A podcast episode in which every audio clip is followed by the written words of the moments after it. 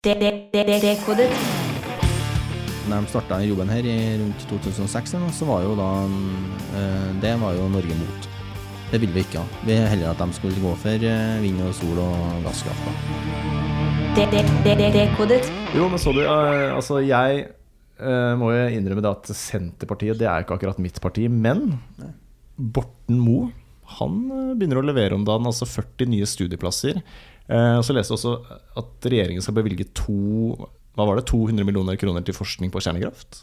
Ja, det stemmer det. Ja. Eh, Det er jo en eh, Det må jo være noe av den største satsinga, offentlige satsinga på dette området her på Ja. mange mange tiår. Jeg kan ikke skjønne annet. Nei, for det hadde ikke skjedd for ti år siden. Nei, nei, absolutt ikke. Eh, når eh, forskningsreaktorene våre ble nedlagt i 2018, så var det jo stort sett eh, enten skuldertrekk Ja. eller stående ovasjoner. Så det her er jo helt, helt nytt. Og Senterpartiet er jo ganske sånn skeptisk til kjernekraft. Jeg var jo en gang i tida medlem av Senterpartiet på Inderøya når jeg bodde der. Så var jeg med på fylkesårsmøtet der i 2000 og 2010, kanskje, måtte det være, eh, på Verdalen. Og da var jeg oppe på talerstolen her og, og snakka om at der, der var det ei sånn I femårsprogrammet som skulle legges fram da, så var det et sånn punkt om at Senterpartiet skulle jobbe mot uh, videre bruk av kjernekraft i Europa og sånne ting. Og det var jeg sa det var, det var ikke Ja. Jeg mente at det var feil, uh, sett i lys av at det er en trygg energikilde og utslippsfri i det hele tatt.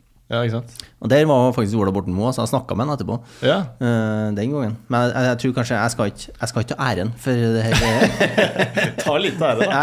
Jeg- Kan jo være den samtalen, ikke sant? Ja, lille kanskje passiaren der. 7 av æren. Ja, ikke sant? Mm. Ja, for jeg føler jeg Frp har prøvd å posisjonere seg som kjernekraftpartiet, kanskje. De som har snakka mest om det. Men Ja, det er det nok. Dem, Og de Ja. har jo egentlig vært, liksom, vært der ganske lenge. Da. De kommer jo fra en thorium eh, De har jo nesten vært, vært med siden thoriumdebatten i rundt 2007 og sånne ting. Så har de vært veldig sånn pro kjernekraft. Jeg vet ikke om de helt har sett seg så veldig inn i, i, i i altså realismen i Ja. thorium og sånne ting. Det tror jeg har jeg ikke inntrykk at de har gjort så veldig, men de har i hvert fall vært veldig åpne for det. eh, Og er liksom mest åpne av alle, uten tvil.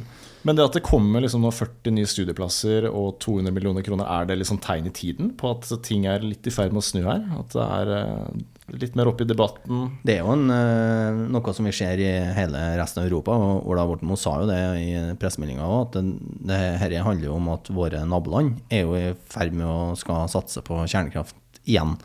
Eh, av at kjernekraft trives best når det er høye priser på fossil energi, og når det er diskusjon om forsyningssikkerhet. Ja, check, Og, check. eh, og i tillegg så har du klimaet nå, da. Ja, så det er veldig Det er klass, akkurat som på 70-tallet, når den forrige byggeboomen med kjernekraft starta, så er det akkurat forutsetningene er ganske like nå, da. Ja, ikke sant.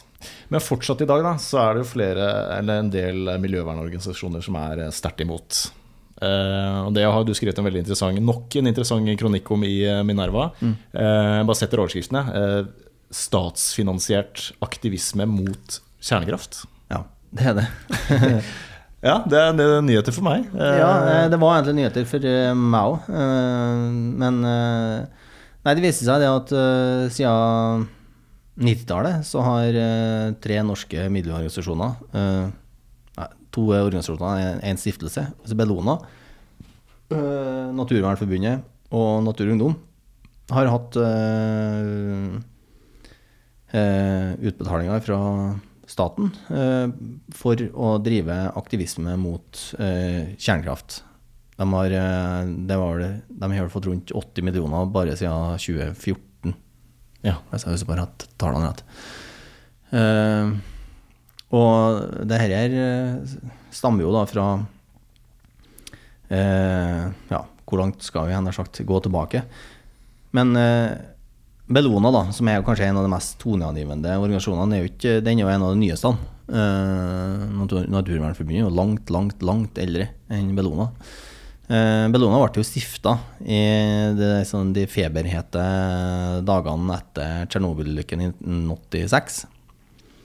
Eh, og eh, det, er som en, egentlig som en direkte konsekvens, har jeg, som jeg leser liksom, eh, Fredrik Hauge og intervju som har gjort med han.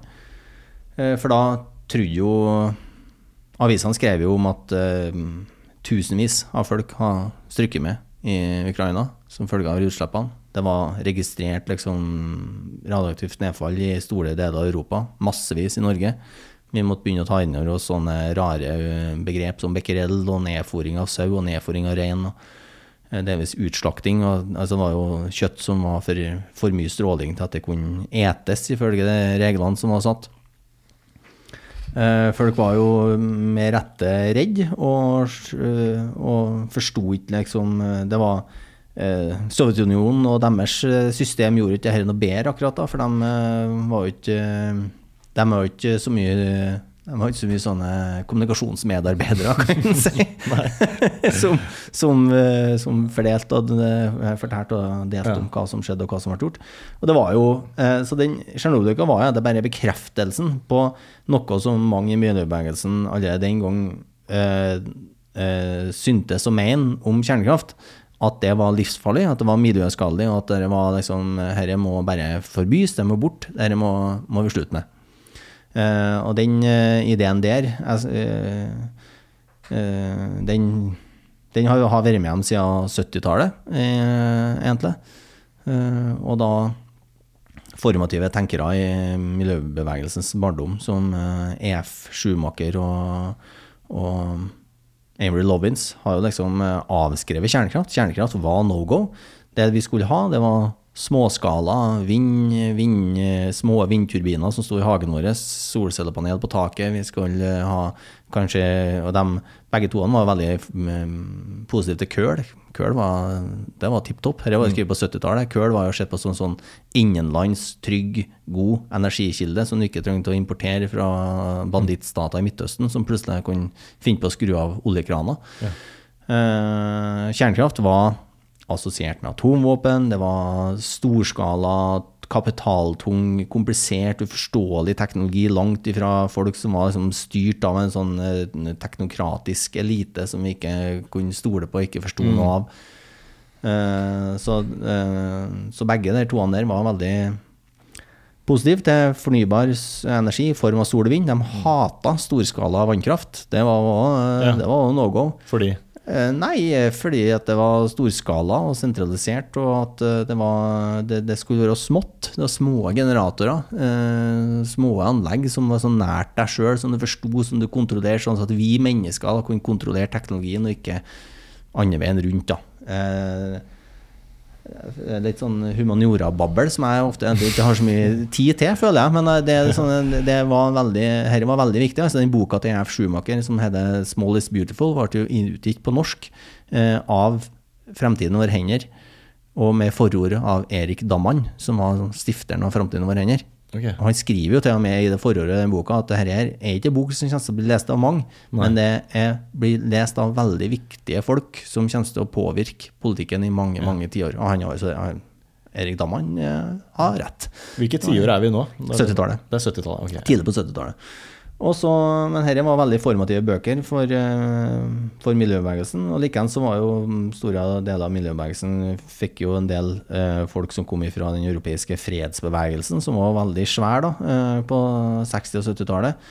Eh, der at atomvåpen og atomkraft ble sausa sammen i en sånn stor, uforståelig graut. Som at vi, mm. var, vi er mot atomvåpen, og er vi selvfølgelig også imot atomkraft. Det er sånn sivil strømproduksjon. Klarte ikke å liksom se forskjellen på de to mm. tingene der. Uh, og og likeens så så var jo det, uh, Den gangen så var jo heller ikke noe sånn særlig snakk om uh, klimagassutslipp. Ikke noe diskusjon rundt det i særlig grad, annet enn i veldig smale miljø. Så kullkraft og, og en viss del av fossil energi var jo uproblematisk delvis sett på. Mm. Og ja. Så det var liksom bakteppet, da. Eh, det, men, men fram til Tsjernobyl-ulykka så var det liksom ikke noen sånne svære ting som det var ikke noen sånne knagger å henge i frykten på, da. Nei. Men det fikk de da med, det fikk de da, det fikk ja, de med Tsjernobyl-ulykka. Ja. Men det var jo bare starten. Uh, fordi at uh, når Sovjetunionen rakna på slutten av 80-tallet, starten av 90-tallet, så viste det seg jo at uh, Altså, måten de har drevet da, sitt kjernefysiske program, var jo eh, Ikke helt etter Ja. eh, vestlig standard. Nei, nei så, så himmelvidt. Altså, alt de gjorde, var jo helt, uta, altså, helt annerledes enn hva vi vil si av vestlig standard. Altså, når Ja. de Nikkelproduksjonen deres oppi rett over grensa, altså, om det, eller når de drenerte tom Aralsjøen eh, utover 80-tallet for å lage bomull. Eh, eller når de bygde, eh, bygde eh, sånne kanaler med slavearbeidskraft i Gulag og sånne ting. Så ingenting de holdt på med var jo etter vestlig standard, men det var heller ikke selvfølgelig deres kjernefysiske program. Eh, og det var jo både det militære og det sivile for å og Det var egentlig ikke en sånn spesielt skille mellom militært og sivilt eller i Sovjetunionen. Det var som bare, der var det faktisk en eneste stor graut. Eh, så eh, Bellona eh, var jo en av disse første organisasjonene, sivilorganisasjonene som kom inn i, i Russland og i nordvest-Russland over grensa fra Norge. Begynte liksom å oppdage og skrive rapporter om hva russerne har, hva Sovjetunionen har drevet med der. da. Og det var jo eh, fullstendig klin kokos. Det var jo altså, atomubåter som sto rusta i, i, midt i Murmansk by. Det var ubåter som har bare dumpa på sjøen. Eh, Shit. Mm, Massiv prøvesprengning ja, visste vi om da, på noe av Semla. Eh, og det var en historie som ikke jeg fikk plass til i denne eh, artikkelen, denne kronikken, var jo um, i, i 82 eh, i Andrejevbukta, det er rett over grensa fra Norge. da. Der har de et svært sånn eh, lager for brukt brensel fra atomubåter. Så de eh, liksom tok det ut når brenselet var brukt opp, så tok de ut derfra og satte det inn i et sånt lager. Det lageret var, det var en svær lager med to svære basseng. Eh, det, eh, bassengene var jo bygd av sånne eh, tvangsutskrevne usbekere og kasakhstanere og forskjellige som kanskje ikke engang snakka russisk. Det var jævlig dårlig bygd. Det var, eh, ja, så de store bassengene sprang lekk. Oi. Og der eh, drivstoffet er jo i, i, altså, i mm, fast fase, jeg har sagt i sånn metallrør og forskjellig sånt, så det, det, men det var jo radioaktivitet i det vannet. Ja. Eh, Vann er veldig bra for å hindre stråling. Altså hvis du ha Hvis du har nylig brukt radioaktiv eh, kjernebrensel, så putt det i vann, så er det sånn relativt trygg. Eh, men det vannet må du på sett og vis ha kontroll på, da. Eh, men så begynte registrerte jeg at eh, vannstanden i en av bassengene begynte å lekke. Det sånn at Det begynte å minke, så det rant ut en eller annen plass. da.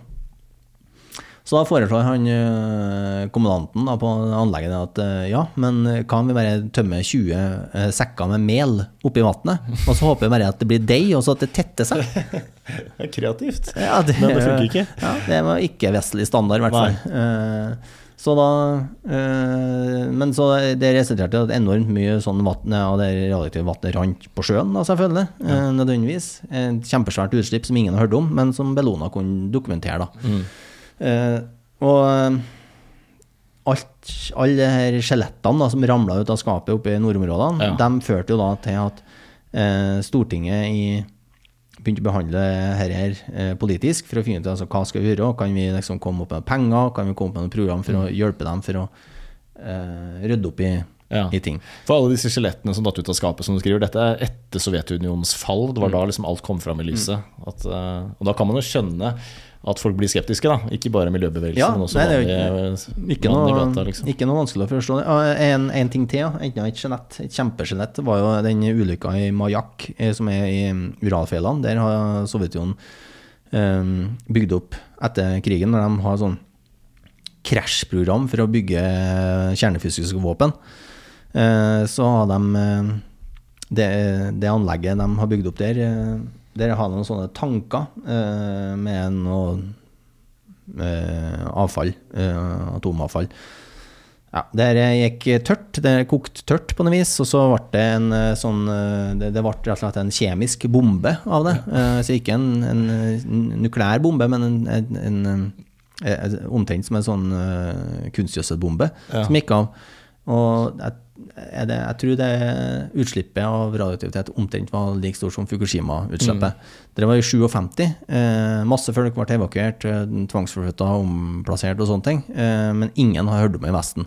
Oi. Så dette ble jo liksom Ja, hysja ned. eh, hysja ned, da. Og, eh, og i 92 til det der eh, toppmøtet til FN-toppmøtet i Rio. eh, Der sånn en bærekraftig framtid og Brundtland-rapporten og i det hele tatt. mm.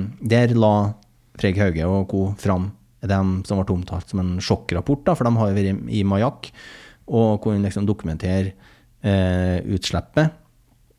Eh, når du leser i dag, så er det jo mye som ikke stemmer med, der, eh, med de påstandene de kommer med. Men de, blant annet så var det noen bilder av noen unger som var født med to hoder og uten hjerne og bladi, bladi, Ja. Som de mente da var eh, pga. radioaktiv stråling da, som folk har blitt utsatt for da, ved ulykka der. Eh, de bomma med ti år på ulykka, blant annet. Ja, okay. Jeg tror, det var 67. Og det var mye, mye, Stort sett var det feil i den rapporten, men det var Ja. en sjokkrapport, og de bildene er jo helt sinnssyke. Altså, Ja. eh, vi deler jo ikke og viser fram bilder av deformerte barn sånn i eh, utgangspunktet, men det skjer jo at folk eh, at unger blir født, født sånn uansett. Men eh, i hvert fall så gjorde det dette at eh, hele sånn sivile, altså hele det politiske Norge og, og, og folk var jo, var jo kjemperedd for denne teknologien. Mm. Uh, umulig å skjønne hvor liksom uh, hvor de reelle farene starta, og hvor Ja. bare fantasien begynte. og Alt var bare en stor graut, og vi var, var, vi var rett og slett livredde for det. Ja. Og kan en jo kanskje forst- Det er forståelig, da. Ja, det, at folk var det så- er jo det, ikke ja, sant? for jeg- og, og de nukleære ekspertene, kjernefysiske ekspertene, de snakka jo et sånt språk som kanskje folk ikke helt eh, forsto. Og- Becquerel og ja, ja, jeg tror det, det var lett for at liksom du Det var uforståelig, da. Mm. Så det ble vedtatt det som kalles atomhandlingsplanen. Da. var i 95, ja, var det. Eh, og den går ut på det at, eh, at Norge skal liksom være med og finansiere opprydding av, av eh, det atomavfallet som russerne i Sovjetunionen har lagt igjen da, oppe i nordområdene. Eh, og det har vi gjort. I tillegg så skulle vi være med å finansiere eh, sikkerhetsforbedringer på eh, Kola kjernekraftverk. Et sånt kjernekraftverk som ligger noen, ja, det er et godt stykke inn på Kolahalvøya, ganske langt fra Norge, ja. med fire reaktorer. Så dårlig geografi. Hvor er Kolahalvøya? Kolahalvøya er liksom den som det, det, det snuten eh, på Russland som fortsatt, fortsatt innover ifra, ifra grensa mellom eh, Norge og, og Ja, Russland. Ja. Riktig. Mm. ok. Mm. så der har du jo eh, ja, hva heter det, eh, Murmansk og Mm. Petsjenga, er det? Ja. Det er nå i hvert fall et, et kjernekraftverk innpå der eh, med fire reaktorer. To av dem er av en sånn første generasjon trykkvannsreaktor eh, som ble bygd i, i Russland, som er bygd med en liksom Det er en, en variant av den, de reaktorene som liksom er bygd i Vesten, men det Ja. mangler sånn eh, så, så det er ikke en sånn eh, Det er ikke en Tsjernobyl-type reaktor. Nei, reaktor. er sikrere enn det. Det er mye sikrere enn det. Eh, det er sånn, I verste fall så kan du kanskje få en sånn eh, type Fukushima-aktig eh, uhell ved en sånn reaktor. At du vil få utslipp til luft. Eh, mens eh, to, to andre de er litt mer av, av eh, oppdatert eh, Mm. sikkerhetssystem og sånne ting. Men i hvert fall så skulle vi jobbe for å øke sikkerheten med dem, og så skulle de forhåpentligvis liksom stenges etter den, det som var utgangspunktet tenkt som levetida, som var 30 år. Ja, Eh, ok. ja. Så vi har vel brukt en milliard kroner tror jeg, på, på sikkerhetsforbedringer på, den, på det kraftverket. På Kolahalvøya. Ja, på, kol, på, på kjernekraftverket, mener jeg. Og så er det kanskje noe tilsvarende her nå. eh, På på liksom opprydninga som har foregått i Murmansk og med atomavfall og forskjellig fra, fra mm. brukte brensel fra uh, isbrytere, fra uh, ubåter, forskjellig sånt. Men det i seg selv høres ut som et fornuftig initiativ, da. Ja, jeg tror ikke det var så ufornuftig, det. Nei. Men det som var litt ufornuftig med den planen, var jo det at vi i tillegg skulle jobbe for å, å stenge ned kjernekraft i, Russland og til dels òg i våre, Ja, i våre naboland, var jo et ønske om òg. Okay. Eh, for å erstatte det med fornybar energi og gasskraft. da. Ja. Som åpenbart slipper ut mer CO2 enn det kjernekraftverket gjør. Ja. Så, okay, så det var ikke bare å forbedre forbedre sikkerheten på disse kraftverkene, det var et uttalt ønske om å legge ned alle? Eller så mange som ja, mulig? legge ned så mange som mulig, i hvert fall. Da. Det, I hvert fall da, det, de, sånn tidlige russiske reaktorene. Eh, og det kan en jo kanskje argumentere med at i hvert fall RBMK-reaktorene, som heter den, den Tsjernobyl-type reaktoren, som de har, eh, har, har hatt flere plasser, har flere plasser i Russland. Det var bra det at vi jobba for å prøve å kanskje få nedlagt dem. Nå har jo liksom russerne klart å drive dem òg, med uh, ganske plettfritt etter Tsjernobyl. Uh, Mm. Eh, de er i ferd med å legges ned nå. Eh, og så, men vi jo Det ble liksom ikke skjedd så mye på, på sånne ting. Det var bare her er kjernekraft. Det skal, Ja, det skal, det skal, bort, og så skal erstattes med sol, vind og, Ja, og gass. og gass. Ja. Men er vi, er vi fortsatt på, åt- er vi på 80-tallet? nei, nå? er vi på 90-tallet. Vi er på 90-tallet nå? Ja, nå ja. 90-tallet. Mm. Ja, selvfølgelig etter Sovjetunionens fall. Også, Ja. ja. utover der. Ok. Ehm, ja, og det, hvem er det som eh, Det er stat, norske staten som har bevilga penger til, eh, Ja, til dette her? og da, og da er det, det de, eh, For å spre det glade budskap da, om gasskraft og fornybar energi, eh, og hvor farlig kjernekraft er, til sivilsamfunnet i, i Russland, så får da Natur og Ungdom, Naturvernforbundet og Bellona ganske store miljøbeløp eh, årlig for eh, å drive eh, opplysningsarbeid og, organisasjonsbyggingsarbeid da, i Russland. Mm. Eh, ja, som sagt så er jeg, mener det var rundt 80 millioner siden eh, 2014. Hvor mye det var før det, det har ikke jeg klart å finne Ja. ut av ennå. Som bare har gått til disse tre miljøorganisasjonene? Ja. Ja. Så det, eh, det da har jo da finansierer jo det det finansierer jo da stillinger i de organisasjonene som kun skal liksom jobbe opp mot Russland og, og med anti-kjernekraftaktivisme, da, egentlig.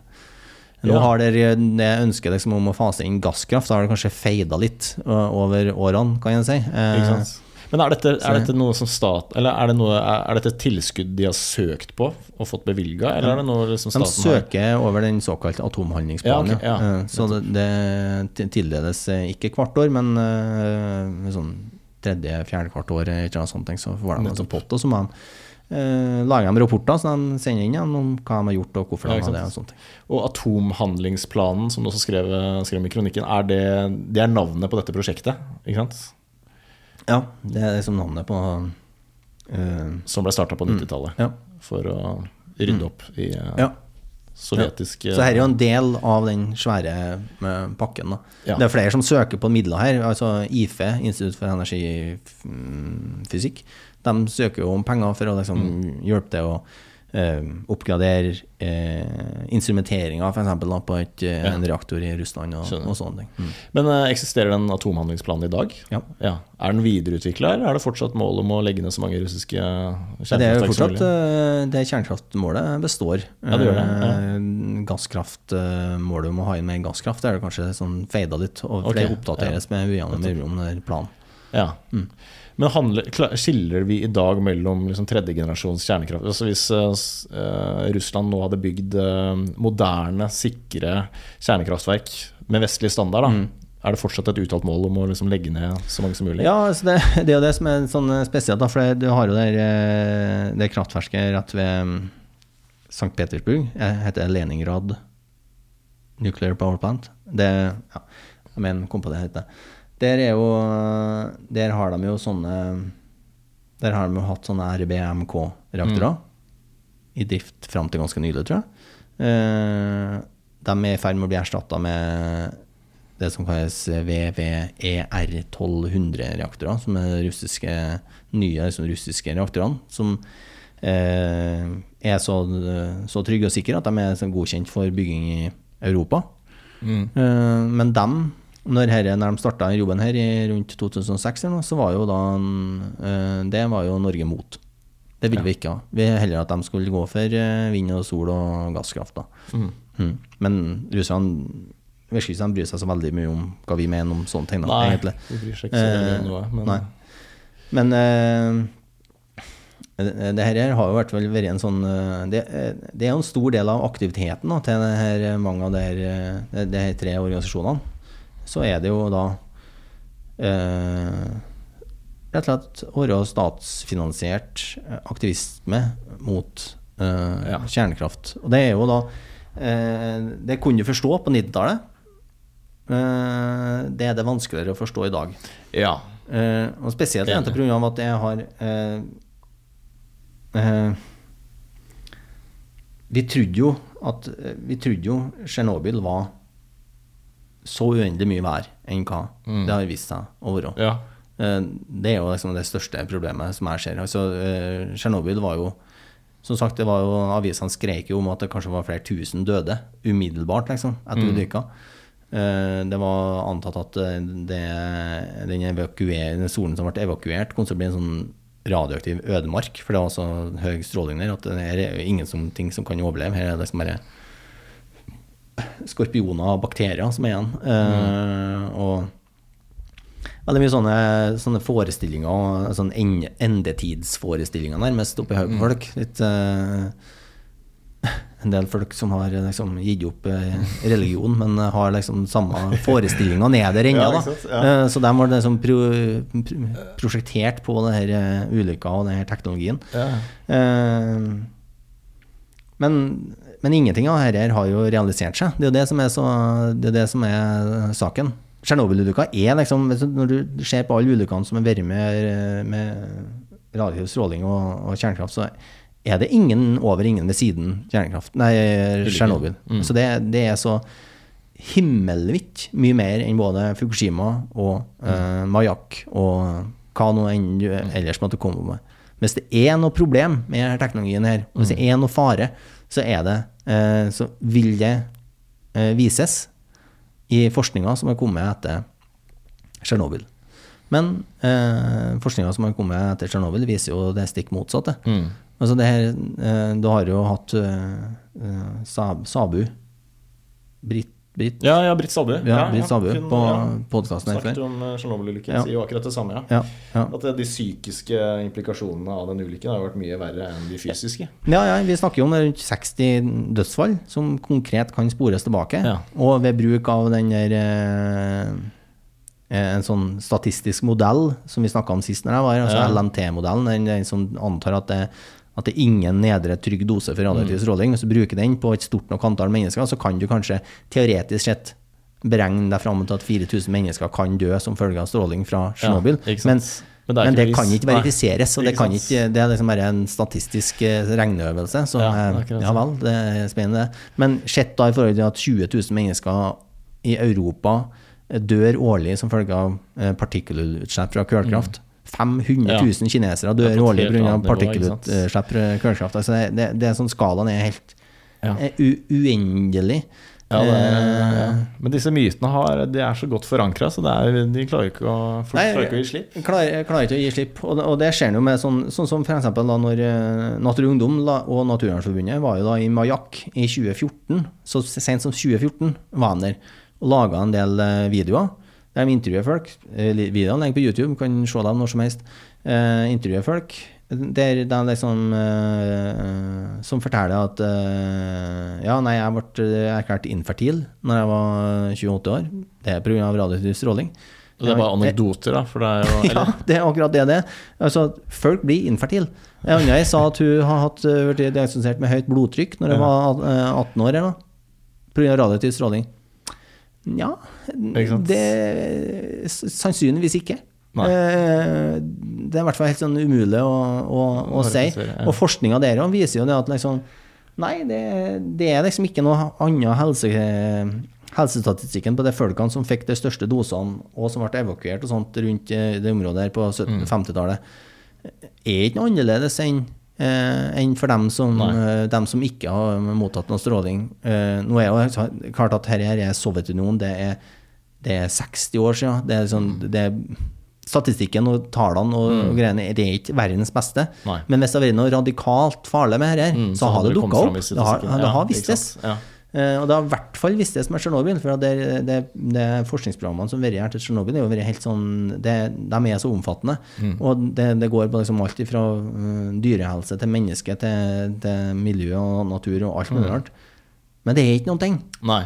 Det er fascinerende, det der greiene. Altså. Og, men dette blir jo veldig spekulativt, da. Men det at Bellona fortsatt er så fastlåst i det spørsmålet her, da, at så anti-kjernekraft eh, For de har jo en eh, tilgang til denne pengesekken så lenge de argumenterer for eh, Som de, gjør. Ja, som de gjør, da. Ja. Eh, og hvis de da skulle snu i dette spørsmålet, så får de kanskje ikke bevilga penger fra dette Dette er Nei, så spekulativt nei, det at jeg, jeg skal ikke det- påstå men, dette. eh, Men det bare, men det er hvorfor klart er de så fastlåst i det spørsmålet? Det er jo klart det er jo veldig vanskelig å endre mening om noe hvis at lønna di avhenger av at du mener en ting. Eh, Da er du egentlig bare en slags sånn lobbyist. Mm. Så hvis du er, du hvis du er lobbyist for, eh, for eh, økologisk mat, f.eks., så, så er det ikke vits at jeg sitter og krangler med deg om, om, Mm. om, om relative faren med plantevernmidler. Eller, altså hvis du er betalt lobbyist for eh, vindkraft, f.eks., så, er- så er det heller ikke en sånn um, Hvis lønna di er avhengig av at du mener en ting, Mm. da, da, da er det jo ikke noe vits til å diskutere da, egentlig. Ja, for hvor er det Bellona får eh, inntektene sine fra? Er det bare fra Altså, de må jo få penger andre steder også. Å ja, ja, ja. Det, det, her er utgjør ikke en veldig stor del av, av Nei, inntektene ok, nei, til, til. Bellona. Nei. Det er det ikke. Eh, Ja. Men eh, det er jo folk som har sin lønn finansiert gjennom her. Og det, det, det, det, det er jo det som er så rart òg, oppi her. For at eh, i 2014 så ble det jo en endring i hvordan midlene utbetales. Eh, og da ble det jo eh, for Før så har det vært Utenriksdirektoratet eh, som har betalt ut de pengene over atomhandlingsbanen.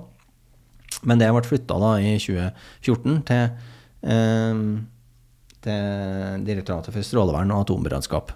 Ja. Og det er jo litt spesielt. Det er de som regulerer den regulatoriske myndigheten i Norge. Ja, Så det er det.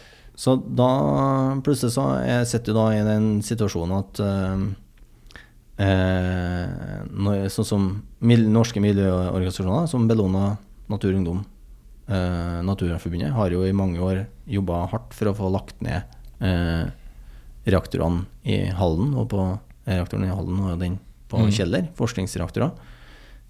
Jobber hardt for å legge ned forskning.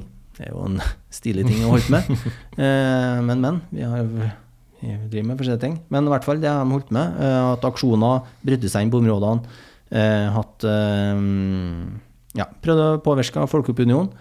Og den jobben har de jo da fakturert over atomhandlingsplanen. ja. Så da setter vi den merkelige situasjonen at, at Direktoratet for strålevern og atomredskap, som IFE, som de som har de reaktorene, de måtte jo da forholde seg til DSA, som det eh, som regulatorisk myndighet. Eh, samtidig som at de folkene som protesterte utafor porten deres, eh, gjorde det med penger. Eh, finans, de har finansiert av penger som kom fra DSA. ja. Det er, ja det er det rolleblanding. er så, så, så utrolig eh, rotete opplegg. Ja. Eh, Jeg skjønner ikke at de, at Ja. de ikke ser dette sjøl. Og jeg, jeg, jeg mistenker ikke noen for at er sånn at det er noe at det er noe rot i det systemet. Det tror jeg ikke. Altså. Men Nei, nei. det er bare veldig klønete. Ja. Så utrolig utrolig Det klønete. ser ikke bra ut. Og når, eh, og når da det var på debatten her eh, med nå i vinter, så var jo da Det var det med Sunniva Rose. ja, Sunniva Rosa, og- som er kommunikasjonssjef for eh, Norsk Kjernekraft, var der eh, og diskuterte bl.a. Eh, en eh, fra Natur og Ungdom. Um, men hans lønn kommer jo da over atomhandlingsplanen, Ja, fra DSA. fra det jeg sa. Så nå da, når da eh, Norsk Kjernekraft skal begynne å søke eh, om å få lov til å bygge eh, reaktorer i Norge, og hvordan de skal gjøre det, og alt sånne ting, så må de forholde seg til DSA og deres liksom, vedtak og bestemmelser og rammeverk. Samtidig som DSA kommer til å da over atomhandlingsplanen finansiere dem som kommer til å lobbyere hardt og, Ja. og aksjonere mot norsk kjernekraft. Ja, det er spesielt. Men det jeg ikke skjønner, er hvilken interesse den norske stat eller DSA har av å finansiere anti-kjernekraftaktivisme. Mm, Nei, det, som sagt, men her er her er jo, bare en sånn legacy-greier som kommer, er med fra, Ja, fra det 90-tallet. henger og så liksom. henger igjen bare, Ja. Og så har vi liksom ikke helt eh, oppdatert oss på, på at verden har eh, Faktisk Har forandra seg, seg siden nei. Nei. Men kanskje det er i ferd med å endre seg nå, da? At, uh, Ja, det ikke. kan jo, kan jo virke sånn. Den, eh, For det er jo, altså skal jo sies at Jeg hadde jo han Jan Emblemsvåg gjennom også. Han sier jo at når han snakka Jeg tror det var Naturvernforbundet, eller så var det Natur og Ungdom. Men det er ikke så ensidig at alle i organisasjonen er 100 anti-kjernekraft. Det er nyanser innad òg. Og det er flere og flere som er i ferd med å snu. eh, Så det Nei. er litt i tiden. Og, Jeg var ja. på sånn møte med, i regi av Naturvernforbundet i øh, Bergen i mai i fjor, i lag med Jan. Ja. Eh, så, da, så de har jo invitert oss, da. Eh, Ja, ikke sant? å Så de har initiert eh, holde det. Ja. Så, men eh, Truls Gullofsen var jo òg der, og han eh, som er sterkt imot, selvfølgelig. Han Mm. lederen. Eh, og så er det jo da var det da Ole Reistad fra, fra IFE, eh, han som blir kalt liksom Norges siste reaktorsjef. Han var òg der, og han er jo ganske eh, negativ. Men først og fremst negativ for at han mener at liksom det regulatoriske og lovverket og sånne ting og det er så, Ja. er så vanskelig og tungrodd og umulig, spesielt i Norge, at han har ikke noe trua på at det Nei, skal gå an å få tråkla seg gjennom det systemet for å Ja. få bygd noen ting i Norge. Ja, ja. Ja, for det finnes jo legitime innsigelser mot kjernekraft. Men akkurat de der mytene som henger igjen fra 60-70-tallet, på en måte, de er jo ikke en av de. Nei, det, uh, og det er heldigvis færre og færre som uh, Ja da, dem, eh, det, det er mer og mer geriatrisk eh, bevegelse, den antinukleære Mer og mer rullator inni i bildet der, når de skal ut og demonstrere. Uh, men det, det er jo sånn Skjer jo sånne rare ting, da, for det er jo der eh, Veldig mange eh, engasjerte folk kommer jo, eh, som er i politikken og i samfunnet og i eh, stillinger, eh, jo har jo kommet gjennom her organisasjonene. Så Bellona, Naturvernforbundet, Natur og Ungdom. Eh, det er jo der de starter, og så ender de opp i politikken og forskjellige plasser, journalistikken og i det hele tatt. Jeg vet ikke om du leste den eh, saken jeg skrev om eh, eh, storm i et radioaktivt vannglass? Nei, det gikk meg hus forbi. Min nerve, det, ja. Men det handla om der eh, Det har vært så mye drama rundt der eh, Norges eh, lager for eh, lav- og mellomaktivt avfall i Himdalen utafor eh, Lillestrøm. Eh, spesielt i Teknisk Ukeblad har det vært masse saker om det. At det er sånn vært overskrifter der står liksom det renner radioaktivt avfall ut av eh, Himdalen, og at eh, hele anlegget er en katastrofe og uh, blad i blad. Eh, og det kan man jo selvfølgelig mene, da. Men eh, han eh, altså Blant annet det at det renner avfall ut av her, her er det, Himdalen er ikke avfall Lav- og mellomaktivt avfall. Det er det som ikke er eh, brukt brensel og sånne ting. Det er bare okay. sånn, det er fra forskning, fra, fra eh, type filter og sånne ting som har vært på reaktoranlegg, og, og det er fra påkledning, og det er røykvarslere. Ja. Det er medisinsk avfall. Ganske samfunnsnyttige greier. Mm. Men ikke noen sånne, ikke sånne sexy ting. Ifra, så, eh, det er ganske kjedelige greier som deponeres i en fjellhall som er liksom fem, under 50 meter med stein.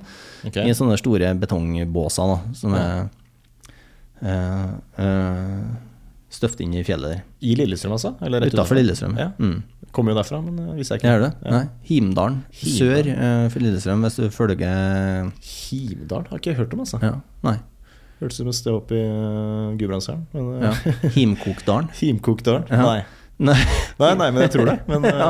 Nei, det er sør, rett sør for Lillestrøm. Men det har jo med at IFE er på Lillestrøm og sånne ting. Okay, Ok, så det ble anlagt på 90-tallet.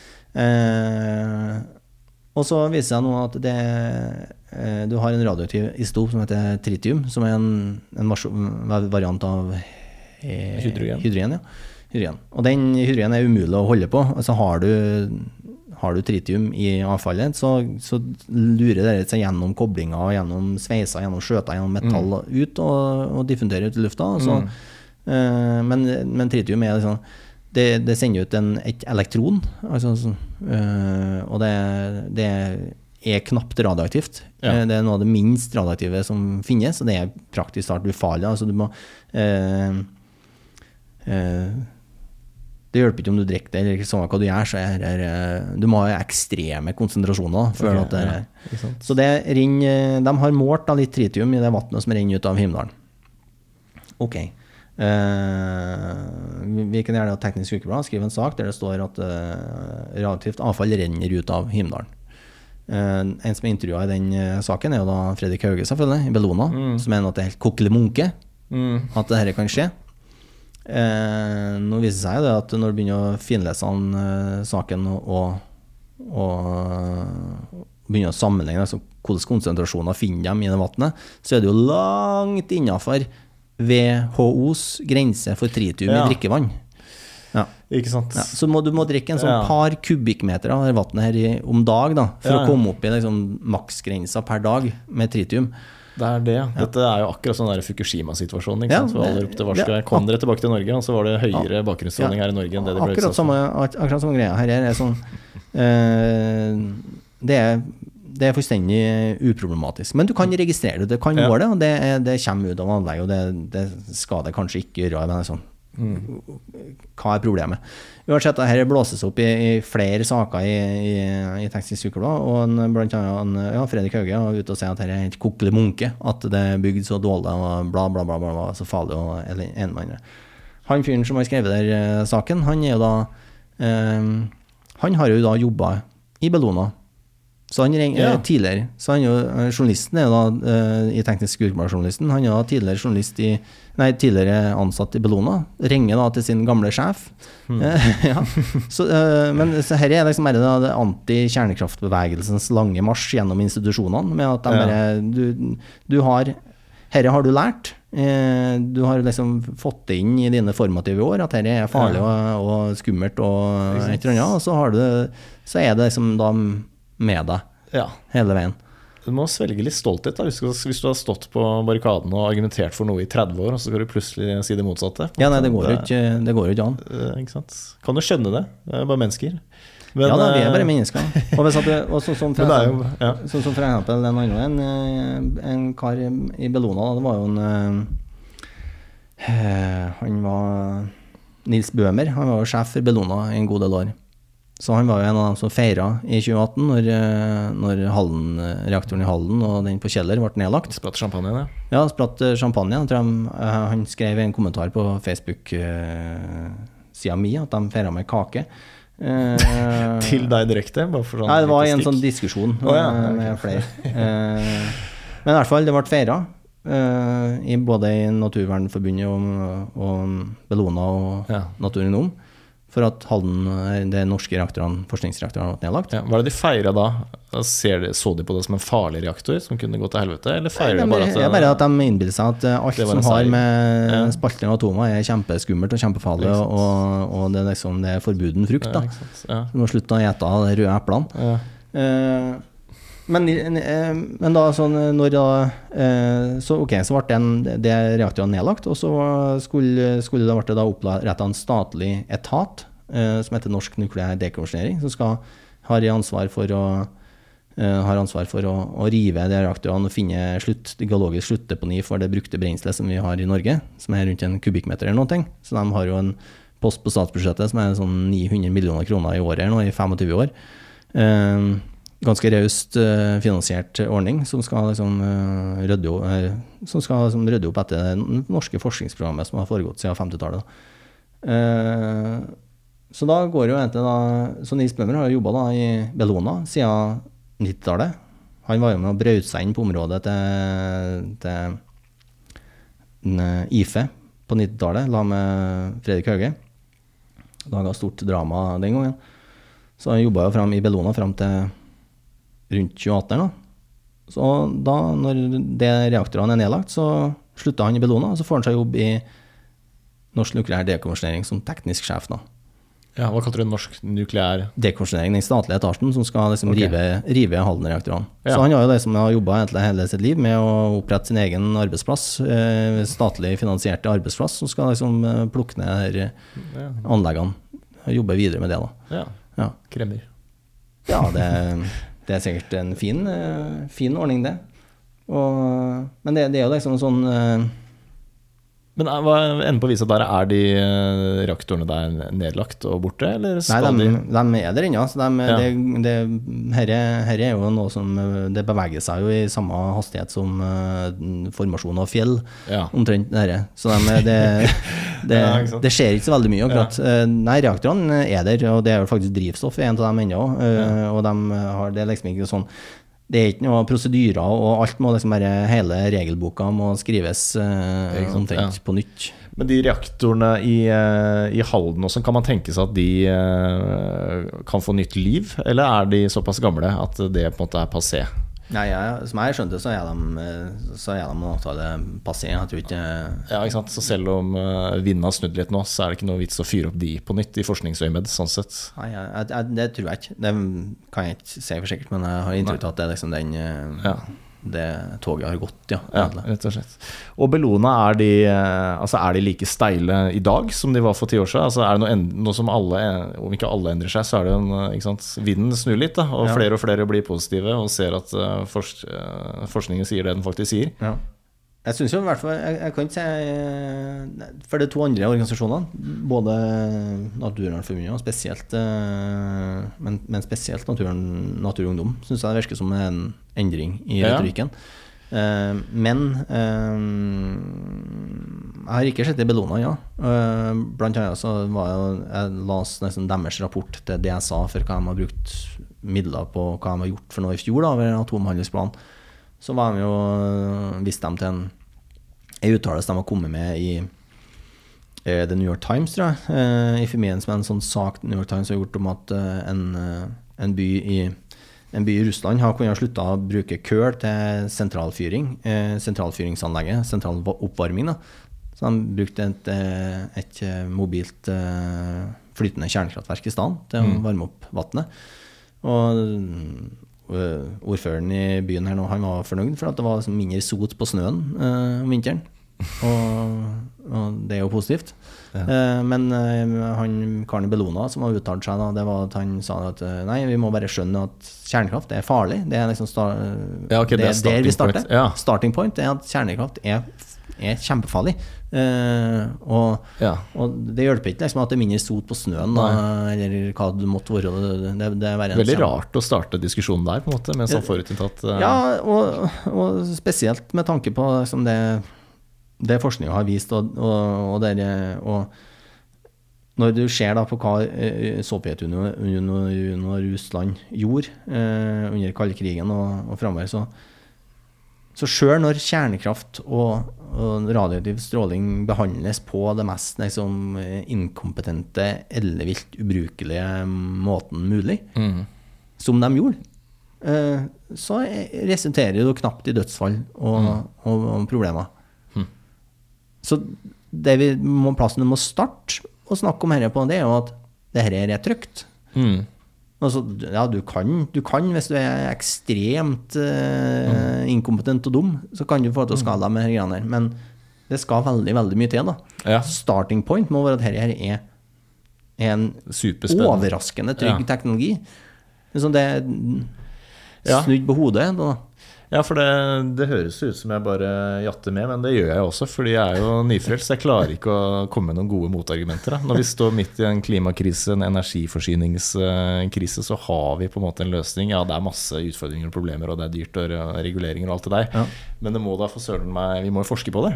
Ja, og vi kan vi ikke bare begynne å snakke om det på samme vis som vi snakker om eh, liksom, offshore vind, eller hva det må Ja. være? da, Der alle liksom, det er sånn hallelujastemning eh, om dere, mens, mens eh, det her det her, eh, det her stein som vi bare kan ta på bakken, som er, har en, flere millioner ganger mer energitett enn ja, en, en kull. Det er sånn skal være Ja. Snakker vi om karbonfangst og -lagring? Eh, Hva er Ja. status der, liksom? Er det ja, noe- hva- ja, Har det blitt noen framgang der siden Ja, ja, nei, jeg har ikke månelanding? Eh, ja, landinga?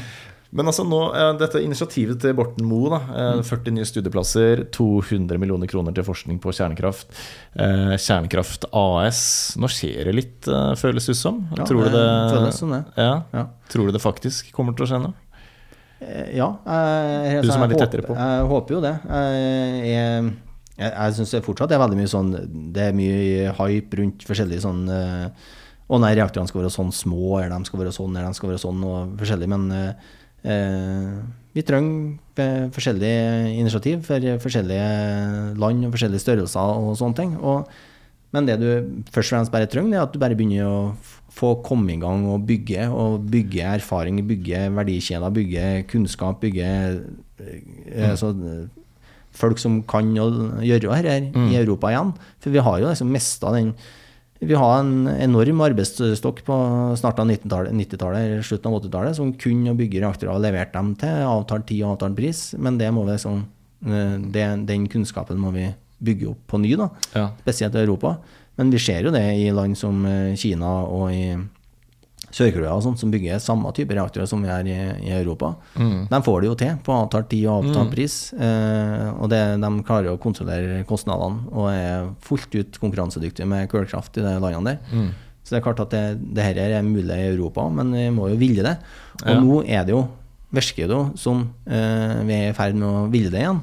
Ja, det er det. Eh, og, da er, og som jeg sa i starten her, altså det, det beste forutsetningene kjernekraft kan ha, er høy eh, pris på fossil energi.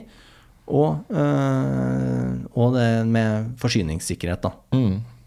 Og det er liksom, Ja, ikke sant, det er det. eh, og, og som, som liksom bonus er da klimaspørsmålet. Ja, ja. Men det er også et motargument. Det er om Vi kommer uansett ikke til å nå klimamålene innen 2030 ved å satse på kjernekraft. Men eh, det jeg tenker da er altså, ja, men det er ikke sånn at Hvis vi ikke når de klimamålene i 2030, så tar hele kloden kollektivt selvmord, og så er det slutt. Det kommer jo 2040 og 2050 og 2060. Vi må jo se lenger fram enn 2030 selv om vi skal prøve å nå det målet. Så er det sånn Vi er nødt til å se langt, langt fram. Her er en sånn, å, å snu om på sånne energisystem er bare en sånn Det er gigantiske, kapitaltunge det er greier som det tar tiår å, å endre på. Og det, her er, det er stål og betong. Det er ikke, det er ikke software, liksom. Det er ikke som å oppdatere Java. Det, her er, det kommer til å ta tid. Og det at vi har satt politiske mål om 50% reduksjoner og sånn. Det virker som desto nærmere vi kommer 2030, desto høyere skal vi ha de målene. Men eh, ja, det er fint med mål, men vi må liksom ikke Vi må ikke se på dead, det, 2030 er ikke noen deadline. 2030 er bare sånn Ja, det kommer, 2030 kommer til å komme og gå. Og utslippene eh, er nå det de er. Eh, Så nei, kjernekraft i Norge kommer antagelig ikke til å hjelpe med med det Klimamålet på kort sikt, 2030-målene. nei. Men det var ting jeg leste i dag. Eh, som, altså den første reaktoren i verden, eh, The Chicago Pile, var jo, var jo første som kontrollerte kje, kjedereaksjonen i verden, var jo starta i, eh, i 1941 under Manhattan-prosjektet. Første gang noen gang eh, en, en kontrollert kjedereaksjon. Første gangen eh, vi har en reaktor oppe å gå, gå i Norge, 52. Oi. Så det gikk 11 år, da. Yes.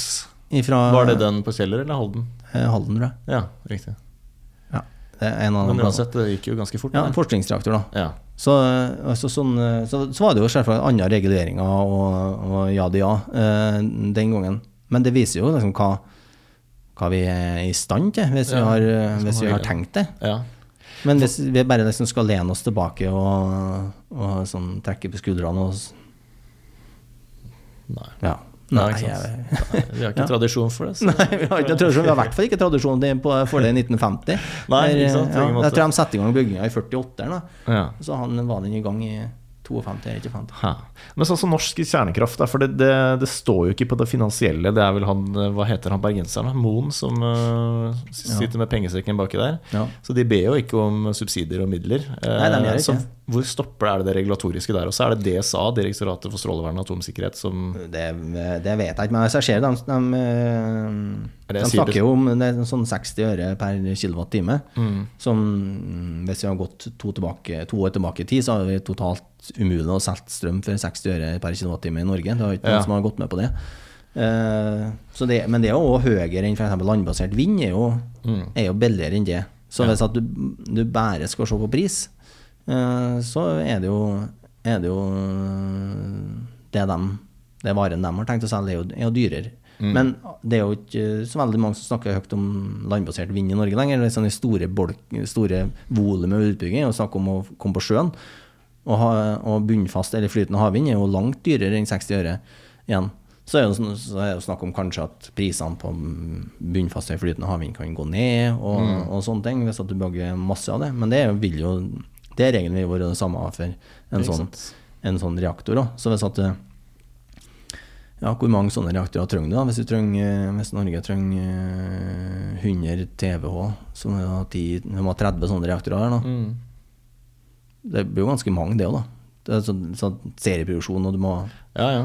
Uh, bygge flere. De må bli flinkere til å, å, for å og da kanskje få ned prisene på, på det. Men en liten sånn modular, modular reactor oppe på Fosen, så hadde du slupp- sluppet den konflikten, da. Ja, det har ikke vært nødvendig å lenke seg fast til døra til Olje- og energidepartementet da. Men er det Altså hvis, eh, hvis norsk kjernekraft skal bygge en, eh, en reaktor, da er det jo det er DSA som må godkjenne bygningsplanen og vet hvordan det funker, liksom?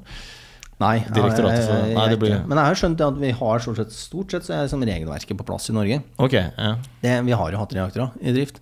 Eh, Det er vel noe regelverk som må utvikles og sånne ting. Og det er jo sånn at eh, ja, en reaktor bør kanskje være godkjent i Storbritannia eller USA eller mm. Frankrike eller noe av de store Ja, landene for, at, eh, for, for å liksom få så vi, Det er vel ting vi mangler òg, men eh, sånn, vi, vi starter jo ikke fra null. Nei. Polen blant annet er jo et land som har eh, knapt hatt eh, forskningsreaktorer eller noen ting fra før. De har jo kjempesvære planer om eh, bygging av, av ut, utvikling av kjernekraft. i Status både- i Sverige, er ikke det jo, Sverige er jo tilbake da med både De snakker jo både sånn small modular reactors og big modular reactors. Mm. Ja. altså det, for de er jo altså de store Store 1 gigawatt pluss-reaktorene er jo modulære greier som prefabrikkeres delvis på fabrikk og fraktes og så settes sammen da, eh, on site. Tyskland status? For der var det vel snakk om at de skulle legge ned Eller de drev vel legge ned eller Ja, de legger ned. De fortsatt? de, ja, de kommer til å legge ned. Og bygge flere kullkraftverk òg, eller? Sånn- Eh, de vet ikke om de bygger dem, men de til å må beholde dem en, eh, en god stund til. Yes. Men det de legger ned der, er jo de gamle som på en måte har gått utover sin tiltenkte levetid, da. Ja, men tiltenkt levetid på reaktorene, vet de er jo, det virker jo ikke som det er noe sånn, det er open-ended. Altså, Ja. De trodde jo det på, når de ble bygd på 70-tallet, så har jo ikke erfaring med det. Så de tenkte sånn, ja, 40 år er kanskje sånn normalt å anslå Mm. som sånn levetid. Men så, men så har de jo liksom fulgt med på materialstyrke og alt sånt ting underveis. Så i USA er jo de første reaktorene eh, godkjent for 80 år. De driver nå og vurderer om det går an å utvide til 100 år. Ja. Eller forbi det òg. Samme i Sverige også, så er det snakk om 80 år på de reaktorene der, Ja. eh, som er igjen. Og det er liksom Det, det er sånn vannkraft. eh, Herre, det er bare sånn bare Du kan bytte ut eh, de kompetentene som blir slitt og ødelagt, og så kan du Så er det så er det bare å drive det eh, videre. Og Ja. det samme de tyske reaktorene som legges ned nå, er jo da Jeg har jo snakka med folk som er, jobber i, der, eh, i sånn, eh, i, inne i bransjen, eh, og som har vært og besøkt kjernekraftverk og, og kan denne teknologien ut og inn. I, eh, besøkt kjernekraftverk i mange land og jobber med sikkerhet og, og sånne ting. Og de tyske reaktorene er det beste som er laga noen plass, Ja. noen gang. Tysk Ja, ingeniørkunst. det er tysk eh, ingeniør, ingeniørkunst, og det er liksom det er drifta. Det er det, det, er det beste, det, det beste liksom, crewene som drifter det, og de har høyest oppetid, lavest, eh, kortest liksom, drivstoffbyttetid. De er, og de er, det er liksom teknisk sett det, det beste reaktorene som ble bygd på 70- 80-tallet. og, og det er kanskje liksom den EPR-en, da, som er den European Pressurized Reactor som, som franskmennene strever med å bygge nå, den er jo egentlig den, den tyske reaktoren. Altså Ja. bare en modernisert versjon av den. Yes, ja. Så de tyske reaktorene er helt som bare De kunne vært drifta enda i 40 år, altså uten noe sant? eh, videre seremoni. Men den der norske atomhandlingsplanen strekker seg ikke utover Russland og gamle Sovjet? Det er ikke at det er målet Nei, å legge ned nei. kraftverk i Tyskland? Nei, liksom? det er Ukraina og, Ja, og, Ja. og Russland, ja. Mm. I tillegg til at de har engasjement i Norge, da. Ja, ikke sant. Kan det også handle om at eh, russerne drikker vodka til alle måltider? At det ikke er så lurt når de driver og bygger sånne Kan, eh, kan være det. Jeg tror det er mye Det er bredt sammensatt, eh, Ja, men jeg det har nok noe med vodka å gjøre. Uh. Eh, jo, til slutt. eh, du er- medlem av Klimavenner for kjernekraft, ikke sant? Ja. Snakka vel kanskje litt om sist, men eh, bare kort om hva det var igjen. Det ligger jo litt i en, tittelen, da. eh, Men, nei, det er en organisasjon, eh, med, eh, miljø- og klimaorganisasjon, som, eh, som jobber for å eh, øke forståelsen for denne teknologien ja. i Norge. Og Lobber dere politisk på, på Stortinget for, for det ja, det jobbes jo politisk. Jeg er ikke så veldig, jeg er ikke så veldig flink til å være med i styre og stell og ting, så, men det jobbes, eh, jobbes med det. ja. Mm, for å snakke med politikere og, og forskjellig sånt. Eh, så jeg, vi har en 400 medlemmer nå, tror jeg. Ja, ikke sant. Det er veldig interessant. Nok en gang. Velkommen tilbake neste gang du skriver eh, kronikk. Ja, takk for det. Øystein Hegdal, takk for praten.